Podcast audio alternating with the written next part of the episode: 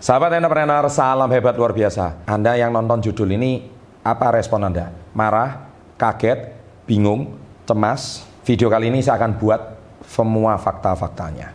Anda mau terima, tidak terima, suka, tidak suka, itu yang akan terjadi. Apa yang akan terjadi di tahun 2024 sama profesi PNS? Simak video ini sampai selesai.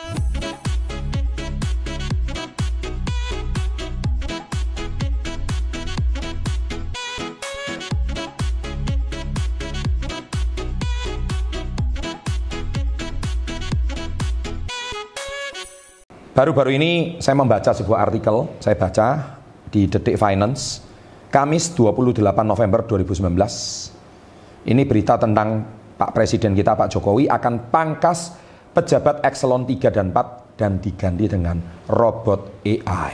Apakah ini sampai 2024? Dan ini segera akan diterapkan di tahun 2020 ini. Jadi bagi para PNS atau sekarang terkenal dengan nama ASN, aparatur sipil negara, saya hari ini cuma ingin menegaskan apa kata-kata Pak Presiden. Kita lakukan pengurangan ekselon, kita punya ekselon 1, 2, 3, 4, kita akan lakukan dari yang ketiga dan 4 akan kita potong di jelas-jelas Jokowi di acara CEO Forum di Ritz-Carlton Jakarta Kamis 28 November 2019. Jokowi melanjutkan program pemangkasan pejabat ekselon di kementerian dan lembaga dalam rangka reformasi birokrasi yang selama ini dibutuhkan oleh para pelaku usaha. Pasalnya, selama ini birokrasi menjadi salah satu kendala investasi masuk ke Indonesia. Saya sudah perintahkan juga kepada Menpan Cahyokumolo diganti dengan AI. Kalau diganti dengan artificial intelligence, birokrasi kita lebih cepat, saya yakin itu. Tapi sekali lagi, ini juga akan tergantung omnibus law ke DPR. Di tempat yang sama, Menteri Koordinator Bidang Perekonomian Erlangga Hartanto mengatakan rencana pemerintah dalam menerapkan wacana tersebut adalah mengalihkan pekerjaan bagi pegawai pemerintahan yang bekerja di bidang pembuatan perizinan. Sekarang beberapa sudah didorong antara lain Omnibus Law untuk cipta kerja dan juga ada yang namanya OSS dan Single Map Policy. Jadi salah satu yang menggunakan AI di situ. Contohnya adalah petugas yang membuat IMB. Menurutnya dengan AI, IMB tidak perlu lagi digunakan. Contohnya kita menyederhanakan IMB terutama untuk gedung dua tingkat.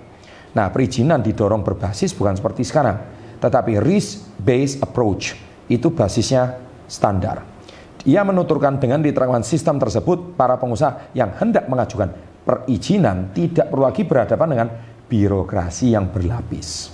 Jadi kalau sudah memenuhi standar, bisa berproses dengan OSS, Online Single Submission, sekarang kan walau sudah ada USS, masih ada intervensi, rekomendasi. Sehingga nanti rekomendasi untuk pertek dan lain-lainnya akan kita hilangkan. Sehingga orang untuk bangun gedung dua lantai tidak memerlukan IMP. Begitu juga dengan birokrasi dalam penerbitan izin usaha UMKM untuk kecerdasan buatan dan para pelaku UMKM bisa bebas dari birokrasi yang berlapis.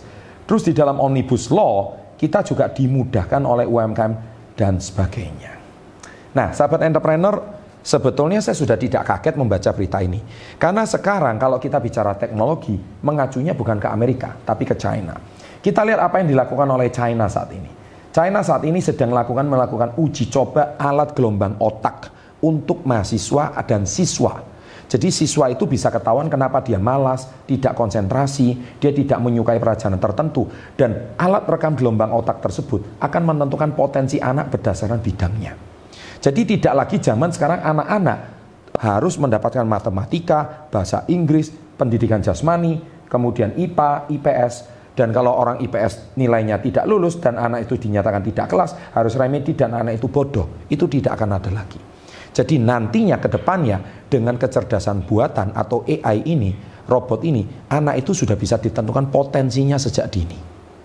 Belum lagi yang kedua, robot AI bisa menentukan uh, kadar kekuatan atlet. Jadi sekarang terjadi di China atlet pingpong, atlet tenis meja itu sudah diukur dengan sport science dengan robot AI. Dari situ dia bisa tahu kekuatan pukulannya berapa, kekuatan tangkisannya berapa, kemudian kekuatan segala sesuatunya itu berapa. Semua bisa ditukur dengan robot AI. Jadi seseorang itu sport science bisa menunjukkan kemampuan seseorang itu sampai di mana. Dan itu akan mempersingkat pelatih untuk menentukan atlet mana yang akan menentukan potensi untuk mendapatkan medali emas. Yang ketiga, City Brain. Itu juga akan menggantikan. City Brain tujuannya apa? Dari situ, apakah sekarang Polantas atau operasi ketupat sekarang ini seperti kayak polisi, uh, cek SIM dan sebagainya, itu lain kali digantikan robot AI semuanya. Bahkan sekarang di Surabaya aja sudah diterapkan sama Bu Risma tentang uh, orang yang melanggar marka otomatis besok langsung ditilang dan suratnya datang ke rumah. Dan ini cepat atau lambat akan terjadi di seluruh kota di Indonesia. Pertanyaan saya, apakah itu masih diperlukan kekuatan manusia? Dan yang keempat, mobil terbang atau drone. Saat ini sekarang kalau kecepatan kendaraan manusia, kurir, kalah cepat dengan drone yang menerbangkan dalam radius pendek seperti kayak 1 sampai 2 kilo pakai drone saja ini sudah diterapkan di negara Sultan Dubai. Saya sudah pernah buat kontennya itu dan itu akan terbang dalam jangka waktu dekat dan itu lebih cepat, lebih efisien dan tidak menggunakan tenaga manusia. Dan yang kelima PNS seperti saya ketahui. Kita tahu dari kata-kata tadi Pak Jokowi sudah jelas-jelas perhatian saya bukan menakut-nakuti para ASN sekarang yang eselon 3 dan 4 Eselon 3 yaitu bagian administrator, Eselon 4 yaitu bagian pengawas. Mohon maaf, pengawas sebentar lagi akan digantikan robot AI, apalagi bagian administrasi semuanya akan digantikan robot AI. Pengawas bisa mengantuk. Kemudian belum lagi kalau cuti lebaran. Kemudian kalau belum lagi cuti uh, Natal atau cuti tahun baru. Kemudian belum lagi kalau sakit. Begitu sakit, pekerjaan numpuk, atasan tidak bisa tanda tangan. Dengan adanya robot AI, maka pelayanan public service itu semuanya akan diatasi Anda sakit atau tidak.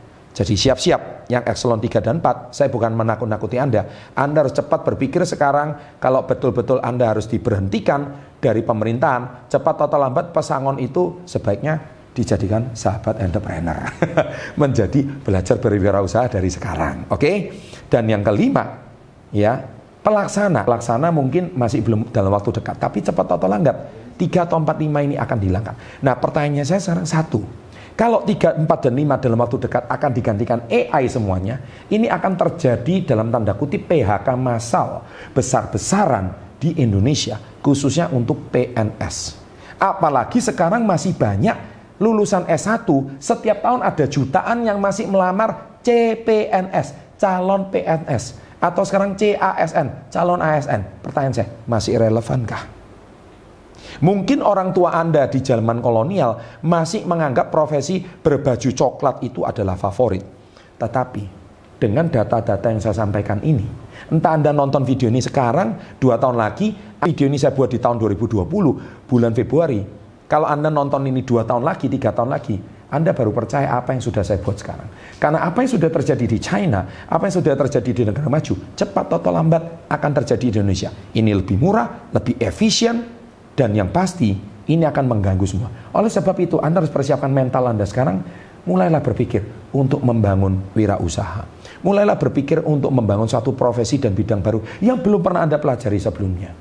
Mungkin komunitas Yes bisa menjadi solusi untuk Anda untuk mengembangkan masa depan Anda. Oke? Bagaimana menurut Anda? Selalu salam hebat, luar biasa.